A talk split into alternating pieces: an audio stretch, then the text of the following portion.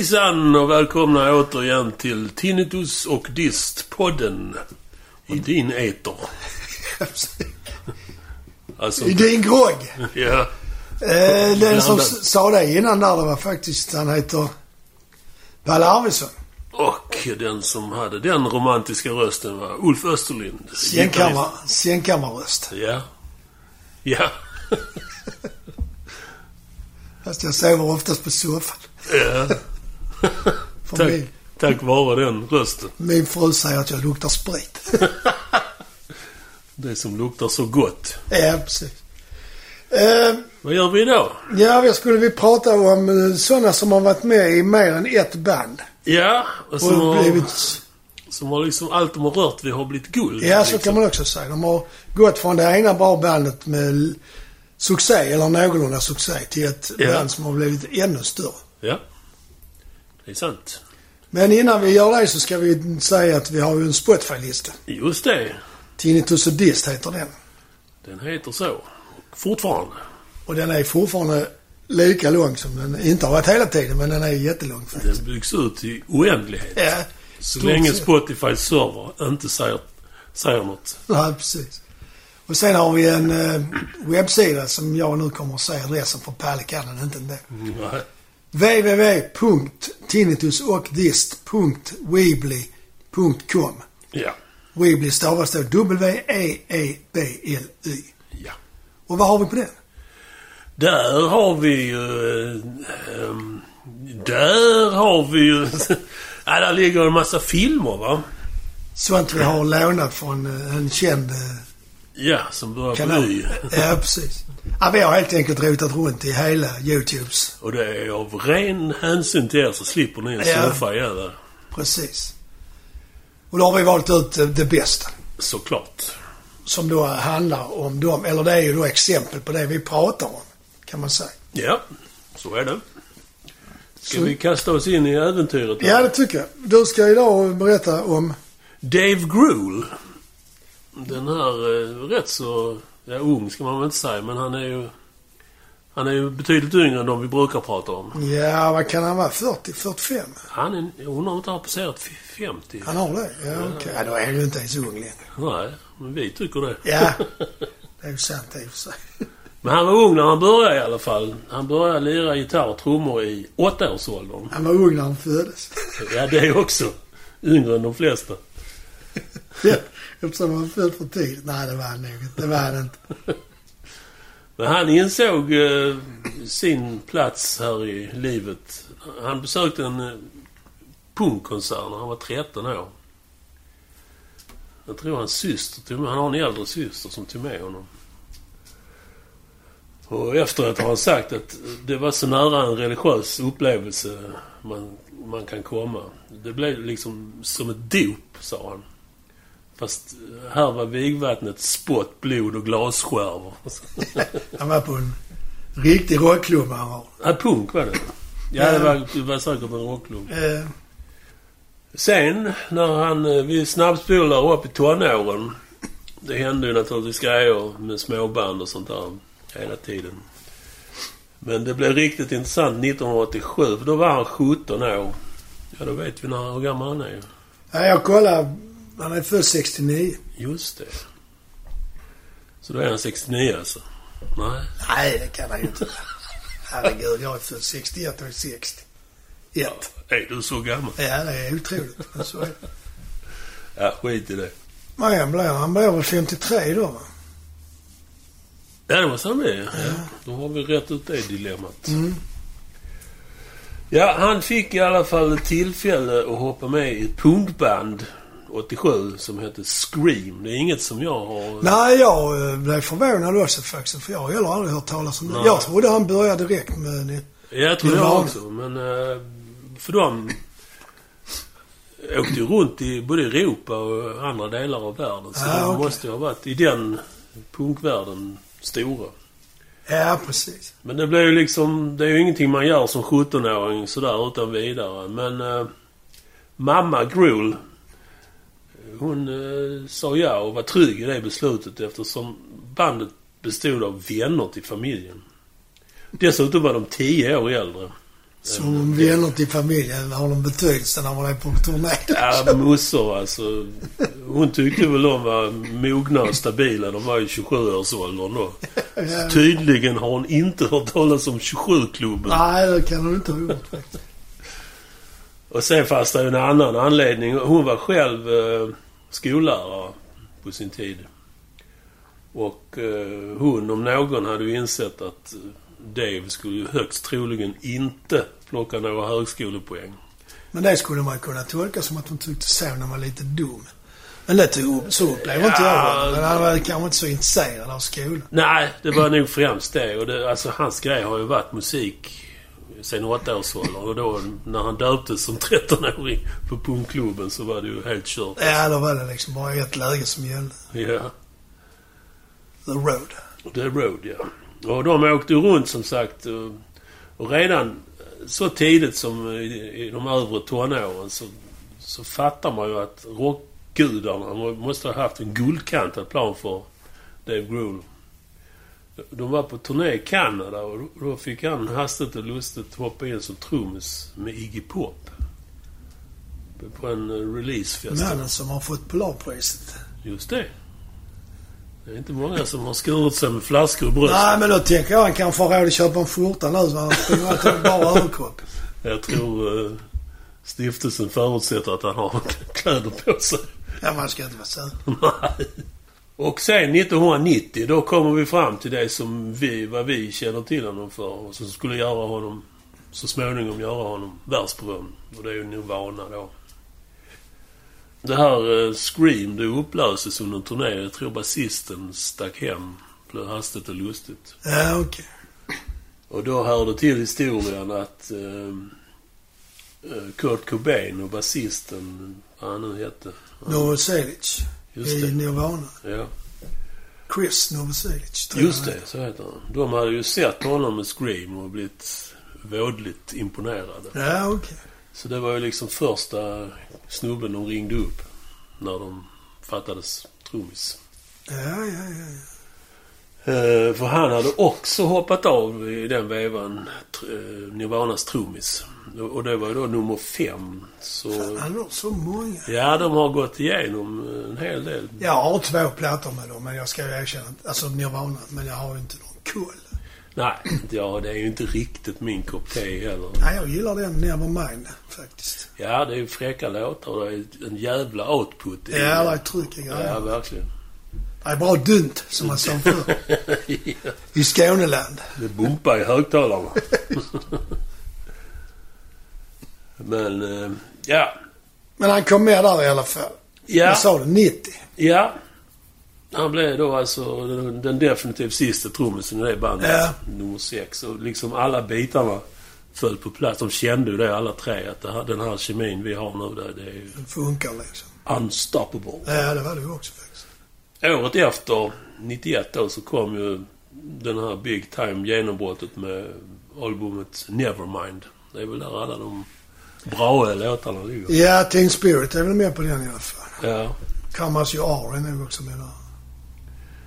Det är som jag sa, det är ju ingenting som jag hänger i juleträdet. Ja, jag tycker den, är- måste jag säga, jag tycker den är ganska bra den plattan. Man kan ju i vilket fall inte förneka att det är en, det är en milstolpe och en crossroad i rockhistorien. Ja, den förändrar en del, ja. Eh, Till exempel hårbanden, de hade härjat hela 80-talet och dominerat musikscenen. De åkte ju all världens väg. Och dessutom så, så vill jag hävda att det, de skapar grunge där och då. Ja, Det var väl annat som låg upp. ja, det fanns ju, men de var ju det stora... Det grungebandet som blev störst. Sen finns ju Pearl Jam, men jag vet inte om det egentligen är grunge. Är det det? Känns ju mer som rock på något inte på sätt. samma sätt. Det är, ju, det är ju ett vitt begrepp naturligtvis. Ja. Så det, det är ju liksom inte bara... Det är ju svart blues också. Ja. Psh, 1-0 till Ulf Österlund.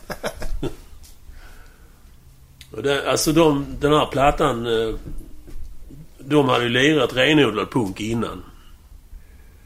Men eh, de hade bestämt sig för att göra en kursändring på den här Nevermind. Eh, De ville åt ett mer nertonat och radiovänligt sound. Ja, för jag har för mig att jag har hört deras första... Eller plattan som kom innan i alla fall. Men om det, om det är deras första vet jag inte. Mm. Och det är mycket, mycket mer... Eh, Råare. ja, råare på ljudmässigt. Att det låter inte lika bra i en eh, stereo som Nevermind. Och det låter faktiskt skitbra Ja, men det gör det. Det gör det. Uh, det, så det, stora delar av Nevermind var ju redan inspelade med den gamle trummisen på ett litet independent-bolag. Så, Ja, ja. Men uh, pengarna tröt för det bolaget så de använde helt enkelt det de hade spelat in som demotaper och började jaga ett större skivbolag med mer ekonomiska muskler. Och eh, de fick ett ganska fett napp. eh, Ett bolag som heter DGC som ägdes av eh, Universal. Så där lär ju inte ha varit någon problem med kassaflödet där. Nej, men det är ju, de måste ju ha haft bra backning om de har lyckats få tag i det kontraktet. Alltså någon Ja. måste ju verkligen ha trott på dem och jobbat Ja. Det var ju nog alltså ingen universumsatsning utan... Men det var ju nog bra betydligt mer pengar som fläskades in i projektet än vad Independent. Ja, det är så jag tänker också. Det, det gör ju inget, inget av de större bo- bolagen om, om de inte A. tycker det är asbra. B. Man har en manager som kan prata in en på bolaget liksom. Och se, where's the money? Ja, Ja, alltså jag får nog tillskriva... Det här är min teori. Det, är ingenting jag vet. Men jag, jag misstänker att en del av kemin som uppstod i Nirvana får man nog tillskriva Dave Grohl också. Och om man har liksom hört intervjuer med honom och sett honom uppträda så han verkar ju vara väldigt karismatisk och faktiskt lite ledartyp. Så han har nog inte stuckit under stol med vad han tyckte om Nirvanas sound och arrangemang och Ja, sånt. okej. Du menar så han har hjälpt till med sina åsikter där. Ja, men sen kan det vara så enkelt också som att han är en så pass bra trummis så att i och med det så har de andra blivit bättre. Och så har det klickat. Ja, det kan det också vara. För han är ju en väldigt bra trummor. Han gjorde ju inget särskilt men det var ett jävla driv i, det, i Nirvana när han lirade trummor. Ja, det är ju det då. Jo, den här plattan den la sig till rätta på Billboards första plats så småningom. Och eh, bolaget och bandet börjar vädra morgonluft. Man, man förväntar sig, ja, 250 300 000, möjligen 500 000 kan vi väl sälja kanske. Eh, Nevermind har sålt mer än 30 miljoner ex. Ja, men den är alltså det är ju en, det är som du sa, det är en vattendelare. Den ska... Ja. Ett helt nytt sound helt plötsligt. Det är punk men det är bättre spelat. ja, det kan man säga. Kan man ju säga. Och så annorlunda melodier också. Ja. Det finns en sida på nätet som ni, om ni är jävligt intresserade av musik. En snubbe som driver på YouTube som heter Rick Beato. Ja. Han har analyserat eh, en av Neverminds låtar. Han hävdar att Kurt Cobain är en av de bästa melodiskrivarna någonsin i rockhistorien. Det ligger mycket i det alltså också. För han... Nu blir detta väldigt tekniskt, tekniskt men det finns olika sorters skalor liksom. Det Mm. finns harmonisk och penta och Ja. Moll och Ja. dur och så finns det mixoly- mixolydisk och några andra sådana. Och han hävdar, han menar att han använder sig av den mixolydiska skalan, Kurt Ja. Cobain. Och det är det som gör att de i grunden enkla låtarna med tre, fyra ackord blir spännande och bra Mm. tack vare det melo- melodisinnet. Är det omedvetet eller visste han vad han Ja, gjorde? det vet man ju inte. Nej. eftersom han är död kan man inte fråga honom igen. Nej, det blir svårt. ja, död ja. Han dog ju, eller ja, det tog slut 1994. Det var en rätt kort period, fyra år. Ja, verkligen. Och de hade ju haft oerhörda framgångar Ja. de här åren såklart. Så Dave Grohl, han gick i ide såklart. Deppad och han visste inte riktigt vad han skulle göra. Ja, sen är det där, kommer jag någonsin att vara med om någonting större? Ja, ja, absolut. Det kan man ju mycket väl förstå. Och han var inte säker på om han skulle fortsätta som trummis för någon annan eller om han skulle skriva egna låtar. Han har ju skrivit rätt mycket fram till dess ju. Inte kanske till Nirvana, det vet jag inte. Men han skrev ju låtar hela tiden. Och då... Då plingar det till för andra gången i hans telefon. Och det är en annan guldhöna som kommer. Nämligen Tom Petty and the Heartbreakers. Men när Stan Lunch hade slut. Exakt, han hade slutat där. Han har varit med från början ju, Stan Lunch. Ja, de, det var ju samma band hela Mm. tiden. De bytte basist efter två, tre plattor så hoppade originalbasisten av. Ja, ja. Och eh, Dave Grohl, eh, ja för fan sa han. Så han hjälpte till med några gig. Bland annat på Saturday Night Live. Ja, det har jag hört talas om också. Ja. Och Tom Petty själv blev så till sig trasorna över Daves trumspel att han erbjuder permanent anställning. Men Dave Grohl tackar nej. Kinget. ja. En av de största amerikanska artisterna. Ja. Nej, det får vara. ja. Och inte långt efter så ringer det igen och då är det som vi nämnde Pearl Jam. Som ska åka till Australien och lira men bandet bestämde sig för att göra det nice and complicated. De sparkar trummisen innan turnén. Och vem ersätter honom? Jupp, vår vän Dave.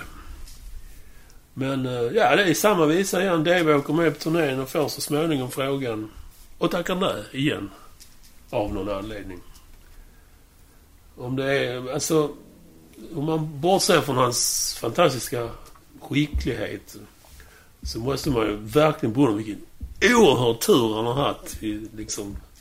Såna... Ja, men är det bara tur? Kan det inte vara det att han är bra och trevlig? Ja, jag tror det. Så att han är lätt att ha att göra med liksom. Det tror jag. Han är.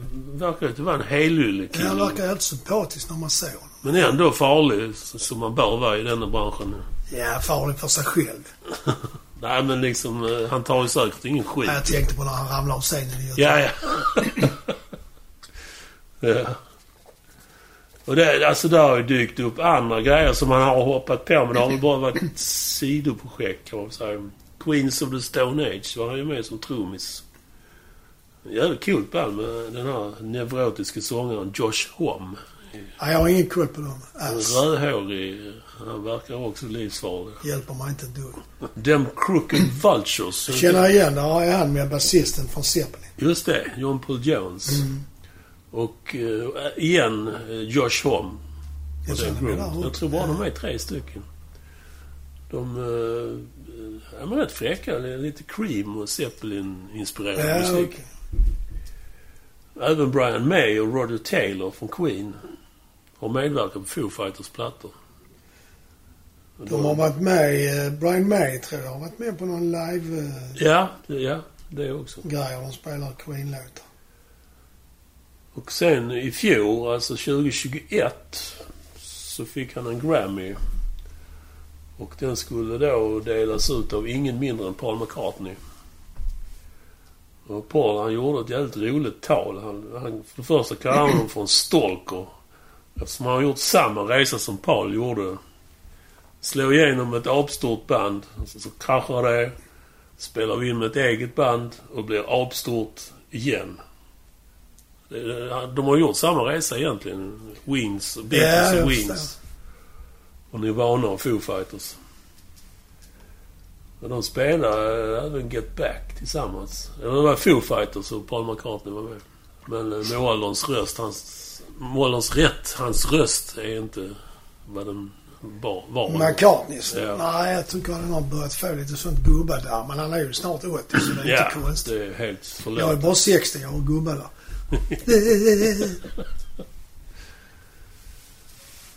Ja, som jag sa innan så skrev han låtar under tiden i Nirvana och han bestämde sig för att spela in ett antal demos med dem. Han spelar allting själv. Och där är en annan liknelse med Paul McCartney. ja, det är det faktiskt. Ja. Eh, och Men jag kommer ihåg att jag har sett ett program om det när Dave Grohl eh, pratar om sin karriär. Och då nämner han det att han går in i studion och spelar in. Men det är han och producenten, eller den som i alla fall övervakar inspelningen, är överens om att det var inte... Det var ingenting som var värt att ha. Men det var viktigt för Dave Grohl att få det ur sig. Och göra det ja, liksom. ja, ja, ja. Sen kunde han gå vidare och skriva ny, nytt material. Om Ja. jag minns rätt. Ja, jag, jag vet inte. Var inte det någon skiva längre fram? Nej, så uppfattar inte jag det. Men för? Ja, okej. jag har haft fel förr. Ja, Det har jag också. Inte!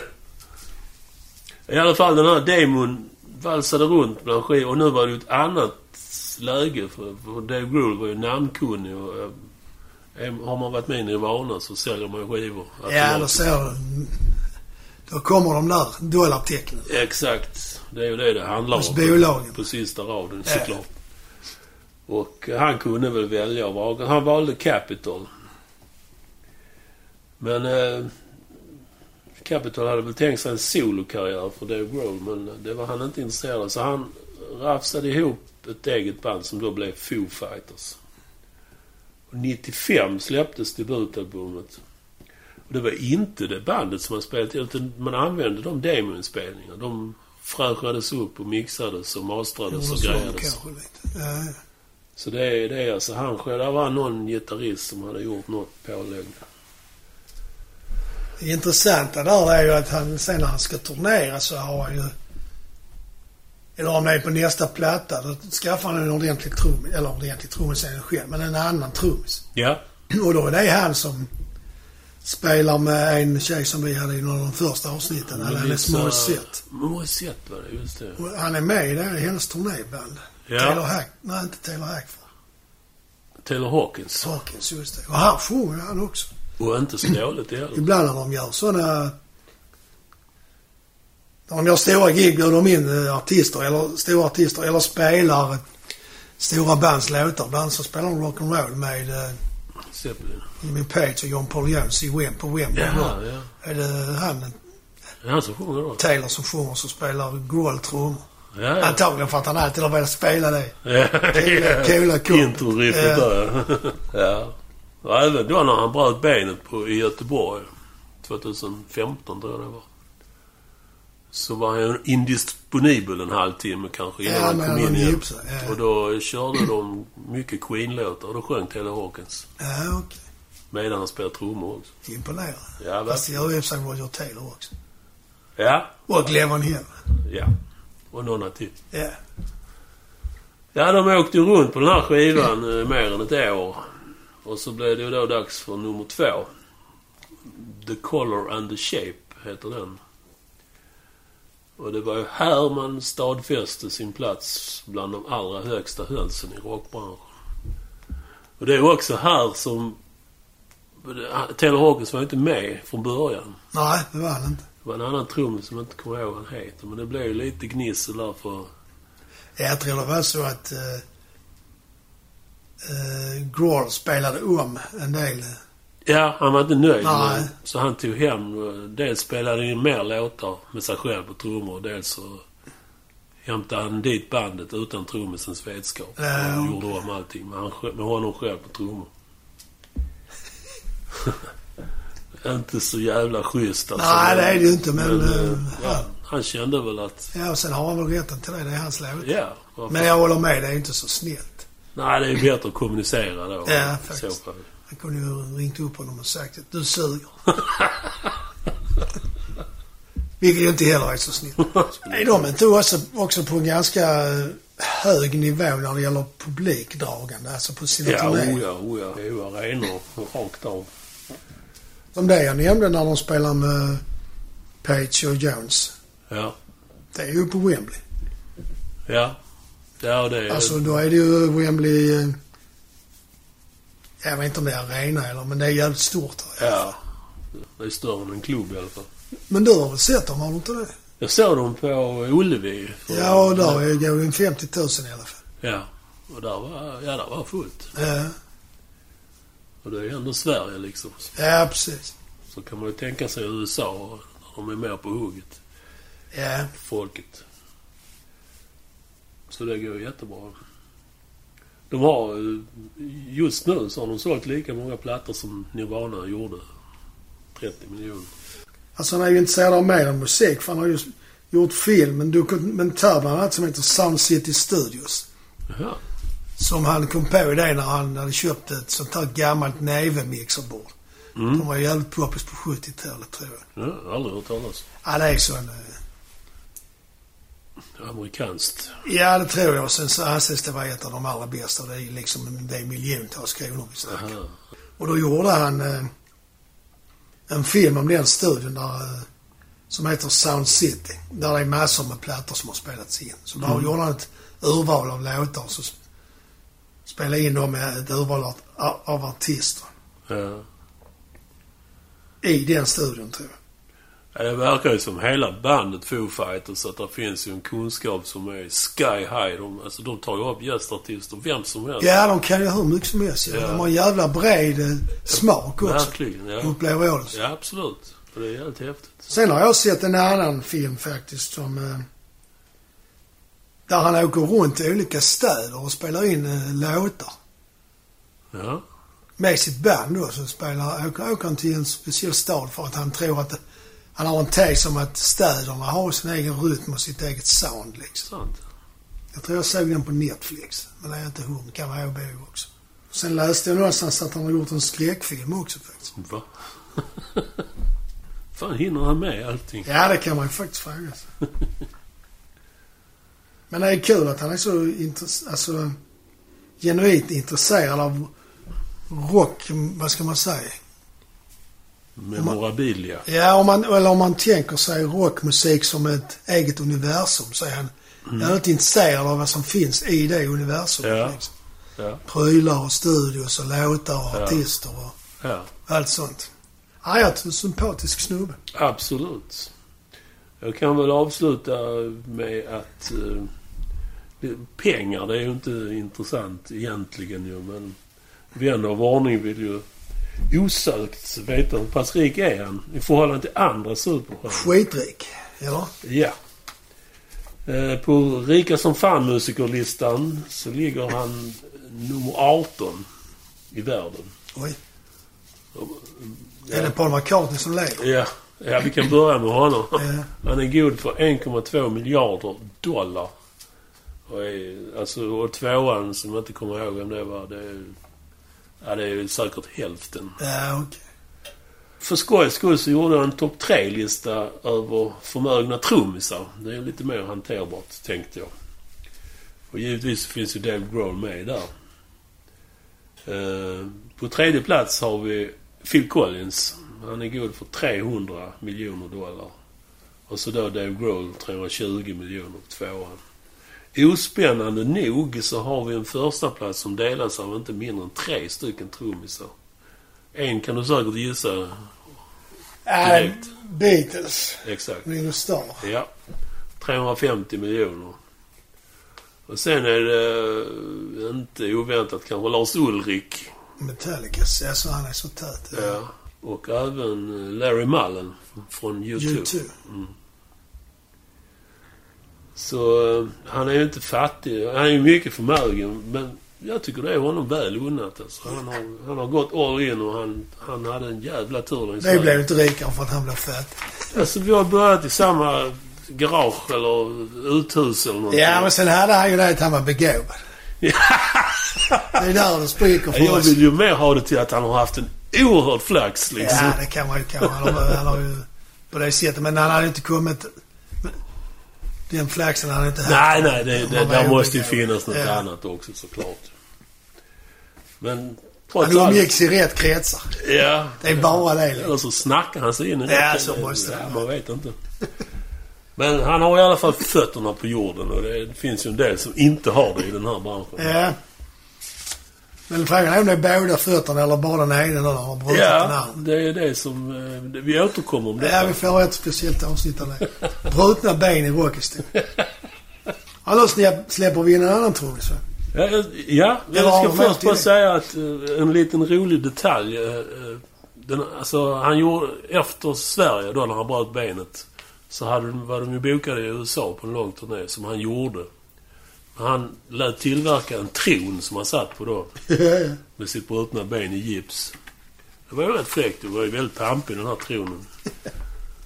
Och eh, det roliga är att eh, sen så bröt ju Axl Rose foten, tror jag.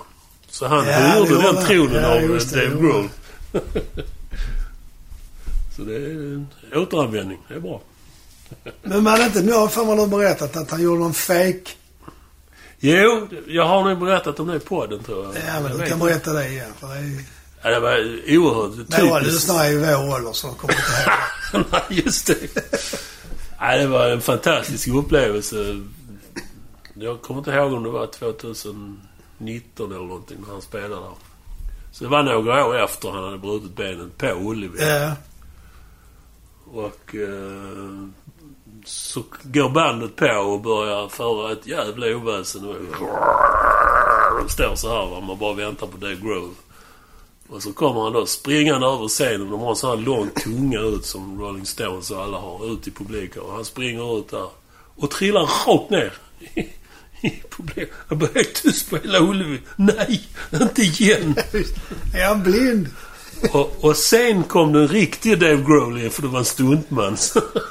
Är lite kul. Nej, det är typiskt honom Det är alltså. väldigt roligt eh, blinkning liksom. Ja, verkligen. Ja, men nu släpper vi in en annan Nu jag, han har redan börjat packa ner. Han får väl göra något litet. Ja, han kan inte sticka härifrån med Nej. den betalningen. Nej, för fan. Utan att göra något. Fyrsiffrigt för fan. Ja, en, två, tre. Ja, det gick ju bra med bara en koklocka och en virveltrumma. Ja, så jag tyckte det lät mer faktiskt. Uh, ja, nu är det min tur. Varsågod. Tack. Nu tänkte jag prata om en man som... Som jag första gången hörde talas om i ett band som heter Montrose. Ja, de har jag också. Det är ett tidigt 70-talsband. Ja. Och... Uh, den jag ska prata om heter då Sammy Hagar, eller Sam Hagar som han... Mm. Uh, Också en stor ikon. Ja, ikon. Det vet jag inte om han är för mig, men han är, har ju lyckats. Han Nej, men alltså branschmässigt sett. Ja. Jag kom på nu att Hagar, är inte det han Hagvard Handfaste på engelska? Heter inte han Hagar the Viking eller något sånt på Det engelska? vet jag inte. Det kanske han gör. Ja, det får vi, får vi googla på. Ja, Men i alla fall, han är med i det bandet uh, Mm. Montrose. Och de hade en hit med en låt som heter Bad Motor Scooter. Mm, bra titel. För övrigt den första låt som Sammy Hagar skrev någonsin i sitt liv. Kaching Han hade, ja, precis. Han hade aldrig gjort någonting innan han kom med i det bandet och så skrev han en hitlåt. Ja. Eller hit och hit, men... Med den titeln, så redan titeln är en hook i sig liksom. Ja, och sen så är det ju lite det där att en del av de rocklåtarna som man minns och tycker är bra, de har inte varit hits. Men de är kända ändå. Ja, ja. Ja, Så var det jag menade när jag sa hit och hit. Ja. Men man kan ju fatta då att även han är född med segerhuvud liksom. ja direkt. Men om han hade den på sig när han kom till världen, det vet jag inte. Men i alla fall så föddes han i oktober 1947, så det är ju ingen ung Han pojk. är så Ja. Ja, visste jag inte. Själv upptäckte jag honom eh, och, och Montrose eh, via min kompis som bodde i min ung, eller mina tonår bodde jag på Lindeborg. Mm. I Malmö. Ja. Och då hade jag en kille som bodde någon våning över oss i trappan. Han var jävligt musikintresserad. Eka i betong, hela betongfastigheten. Nej, så illa var det inte på det sättet. Men han introducerade mig för jättemycket musik faktiskt. Mm. Det är Så bra att jag ha en sån är ganska tacksam för det. Får jag säga. Han hade en eh, bra koll om många plattor. Mm. Och han hade bland annat den här uh, Montrose-plattan. Mm. Montrose. den är ju inte liksom självklar. Det är ju mer... Nej, det är ju lite udda. Det är det Ja. faktiskt. För det är ju ingen sån platta som sålde miljoner ex. Nej, det kan jag inte tänka mig. Men eh, Montrose var ett band som eh, bildades av eh, gitarristen Ronnie Montrose. Mm. Som hade varit session-gitarrist. Jaha. Och bland annat eh, Van Morrison. Blandningen är helt sjuk. Van Morrison, Herbie Hancock, Edgar Winter Group. Och så har han lirat live med några av dem också. Vilken putt i panna. Ja, verkligen. Sammy Hagars stil, kan man försöka sammanfatta den så är ju det... Det är ju hårdrock och heavy metal och glam metal kanske, men rösten är rätt så ljus tycker jag. Mm. Det är det. Men ändå ganska rivig så, så han, han fixar att ligga i de höga registren. Ja. I alla fall när han var yngre. Sen vet jag inte hur det är. Fixad. Nej, s- ja precis så kan man säga. Jag Ja. trodde du menade han var död, men han inte. Nej. han fixade att sjunga där förr, ja. Ja, ja. ja. Så är det ju med oss alla. Man Ja, ja. går ju ner i register liksom ju äldre man blir. Det är ju ett känt eh, företeelse inom bland sångare att ju äldre man blir så får de ju sänka Ja, tonerna. sänker ofta låtarna ett halvt tonsteg. Mm, för de kommer Kanske till och med mer. Ja, två... Om man säger 70-80 års ålder, mycket mer kan man inte begära. Då har de nog sänkt två tonsteg. Ja, den enda jag kan komma på som jag inte tror har gjort det, det är eh, Whitesnake. Men han har ju skrivit, skrikit sönder rösten sidan. Så inget När man hör... toner. Nej, men ibland låter det så när man lyssnar på live Ja, det är-. Det är faktiskt lite sorgligt. Ja, det... Kunde det, det istället. ja, det, ja, jag håller med. Men sen kan man inte begära att man ska ha Nej. det, det diskantregistret i rösten när man är 70 som när man är 24. Nej, man ska kanske heller inte åka runt och visa upp sig. Röka cigg och dricka whisky och sova för lite och allt det där liksom. Det är, precis, det är ju inte direkt vad röstpedagogerna förordnar. Nej, verkligen inte. Men Montrose... Eh, ja, tyvärr så gick han ju bort, Ronnie Montrose. Det är ju, han tog faktiskt sitt liv Oj. 2012 efter en lång tid med depression. Men, men då hade ju deras samarbete slutat för länge sedan. Hager var med på två plattor. Montrose och Paper Money. Och sen så sprack det när de var på turné i Europa. För då blev Ronnie Montrose och Sammy Hager oense. Mm. Det kan man tänka Gick sig. på De är- varsitt håll. De är liksom ledartyper på sitt sätt, bägge två. Ja, och så skriva låtar själv och så kanske man inte kommer överens om vilken låt som ska Nej. vara där eller där eller hur den ska gå och i arvet och Ja. vems är bäst och ja, allt det här. Och även där är ju pengar inblandade om man inte får med sitt namn på... Ja, ja, det är ju stora... Glenn Hughes då som var med i Purple, han är ju inte med. Han var med och skrev alla låtarna på Björnplattan. Mm. Men hans namn står inte bland låtskrivarna för att han hade något kontrakt som förbjöd Ja. honom att skriva musik med någon annan. Så jag, han hade i alla fall ett kontrakt som förbjöd det, men... Jaha, så det var därför. Ja, men sen när de går ut en sån här remaster, Burn, Ja. Eller om de firar 30 år eller något sånt, sen plattan kom till, då står han med. För då Ja. gäller inte det kontraktet. Då hade han löst ut det kontraktet. Eller det har Eh, gått ut. eh, Men det är ju så att eh, han förlorar nog lite på det. Som exempel. kompenseras på annat sätt. Ja, ja, det har han, det har han kanske gjort. Får dricka hur mycket Ja, du vill. bara ta, bara ta. Jag har en egen kokamaskin. Alltså Coca-Cola då. Ja, ja, såklart. Men för att återgå till Sammy Hagar så han brydde han var inte så... Han tog inte det så hårt att de blev ovänner. Han tog med sig basisten och trummisen istället. Ja, ja. Senare i alla fall till sitt eget band. Fortsatte Montrose efter det då? Eller? vet man inte. Jag vet inte i alla fall. Ja. Men eh, Sammy Hagar startade en solokarriär och det gick rätt bra. Han gjorde bland annat en låt som heter I Can't Drive 55 som kom 90, 84 förlåt. Mm. 1984. Mm. Och den handlar om just det där att han kan inte hålla 55. Det är ju någon, tydligen är det så att i USA så är det någon gräns som gäller i alla stater. Jaha. Att man får inte köra över 55 på, på eh, vägar som är av en viss typ i alla fall. Ja. Och det är faktiskt inte så mycket. Det är inte mer än 80-90 kilometer. Nej, vad kan det vara? Ja, ingen aning. Nej, det kvittar. Men det är, väl, det är inte så att det är 130. Utan Nej, det måste vara mycket mindre. Modest hastighet. faktiskt. 80-90 kanske. Eh, som jag sa. Okej. Listen! Men han skrev, beskriver det, hur låten kom till själv ganska roligt. Han hade varit på eh, semester i Afrika och på safari och sånt. Och så när han var på väg hem och, och så hade han inte sovit så bra. Han hade inte sovit på jävligt länge så. Ja. Han, hade, han ville ju ta sig hem snabbt när han var landad och fick tag i en bil. Ja. Så han körde från Albany i New York på klockan två på natten och Ja. var rätt så trött och så blev han stoppad av en polis för att han körde i 62.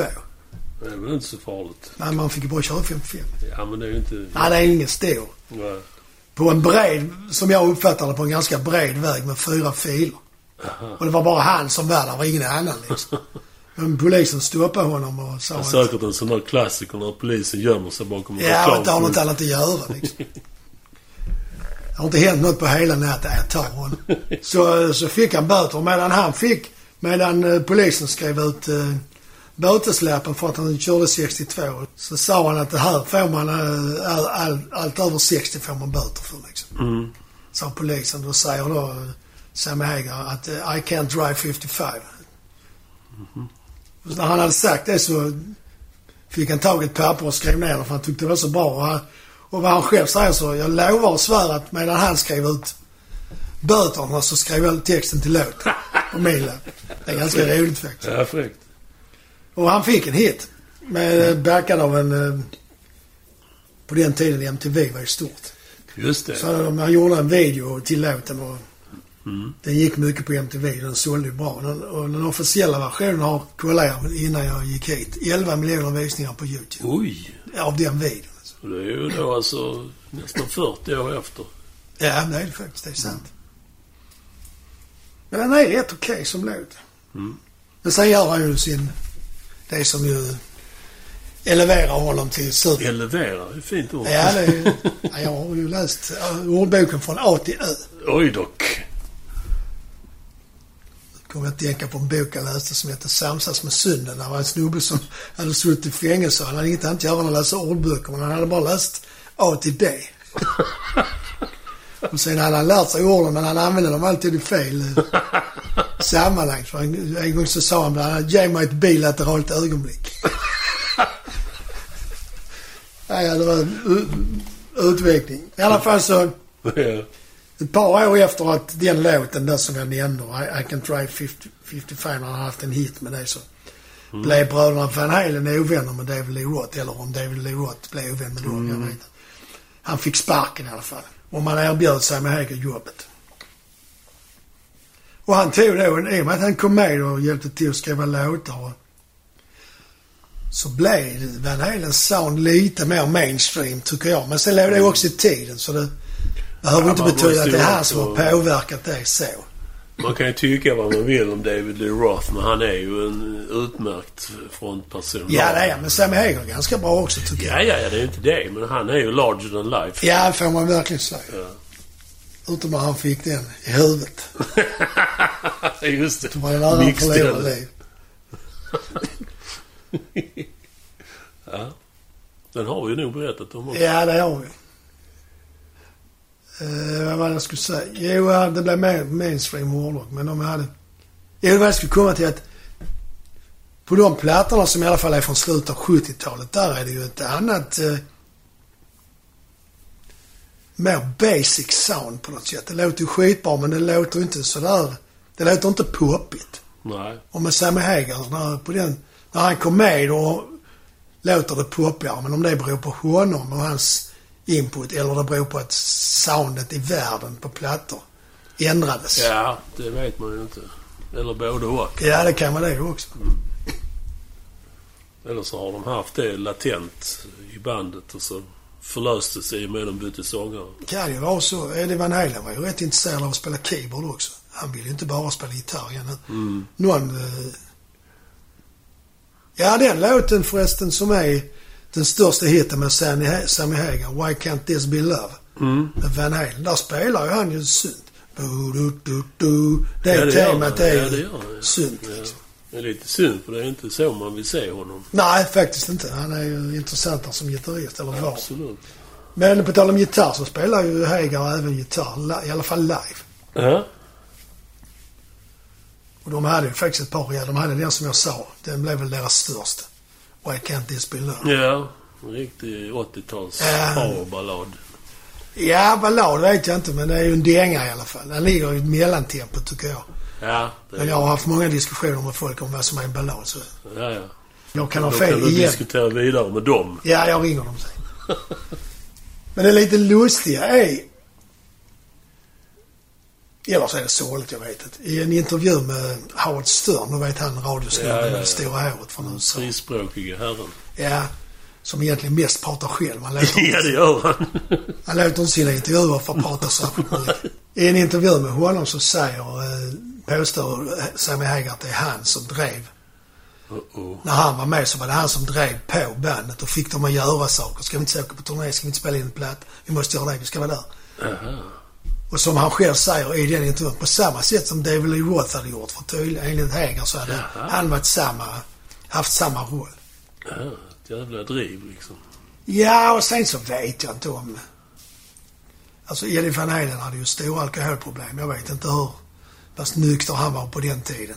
Nej. Och är man toppad hela tiden så är man kanske inte så intresserad av att fatta en massa komplicerade affärsbeslut. Nej. kanske inte ens intresserad av att åka på turné för det är roligare att vara hemma och partaja liksom. Ja. Ja, jag vet, jag spekulerar. De lär ju ha haft på det torra ändå. Liksom. Ja, ja visst. Förutom Torra drickande. Med alkohol. Men eh, sen fick de en ny manager. Och då Och då jävlar. hävdar Sammy Hagar att då började den managern push, pusha mer för att Eddie och hans bror Alex skulle ta tag i det. Det var ändå Ja. deras band liksom. Ja, ja, ja. Så att, eh, så blev det. Enligt honom. Mm. Sammy Hagar är faktiskt med på fyra Van Halen-plattor. Det blev så pass bra. Ja, 5150. OU 812. For Unlawful Carnal Knowledge och sista Balance. Okej. Jo, den låten, eh, 50, äh, förlåt, Why Can't This Be Love, den är på 5150. Den, den första som Sammy Hagar Jaha, okej. Så även där börjar han med en rivstart alltså? Ja, det får man ju nog säga. Jag vet inte om han har skrivit den i och för sig, men... Ja, det har han säkert. För det brukar ju vara så att sångaren skriver texterna. Liksom. Ja, ja. Där, eh, när det är så klassiskt som vi har pratat om ibland, att managerna de känner ju vissa dofter. Mhm. När han hörde den, de spelade live i studion medan han höll på att spela in och så kom han in och så lyssnade han, så höll han upp fingret i luften och så sa han I smell money. Han fick ju rätt. Det, alltså, det gick ju bra för dem och, och Sammy Hagar själv uppfattade det ändå som att de var bra vänner och så. Ja. Men eh, när de skulle spela in låtar till den Greatest Hits och släppa så skulle de spela in två nya låtar så tyckte Hagar att de skulle göra en ny studioplatta istället. En hel alltså. Men de get inte det? eller? Nej. Nej. Och sen helt plötsligt så fick han eh, reda på att Eddie hade börjat skriva med David Lee Roth igen. Ja, han kom tillbaka. Ja, så då fick Hagar spark. Ja, just. Enligt Hagar, enligt Eddie Van Halen så sa han upp sig. Jaha. Så det är väl... Någonstans mitt emellan. Ja, det beror på hur man uppfattar saker och ting. Och enligt Hagar då så sista tiden med bandet blev som att dra ut tänder utan fan. Dels på grund av droger och alkohol och, dåligt, och dåligt management.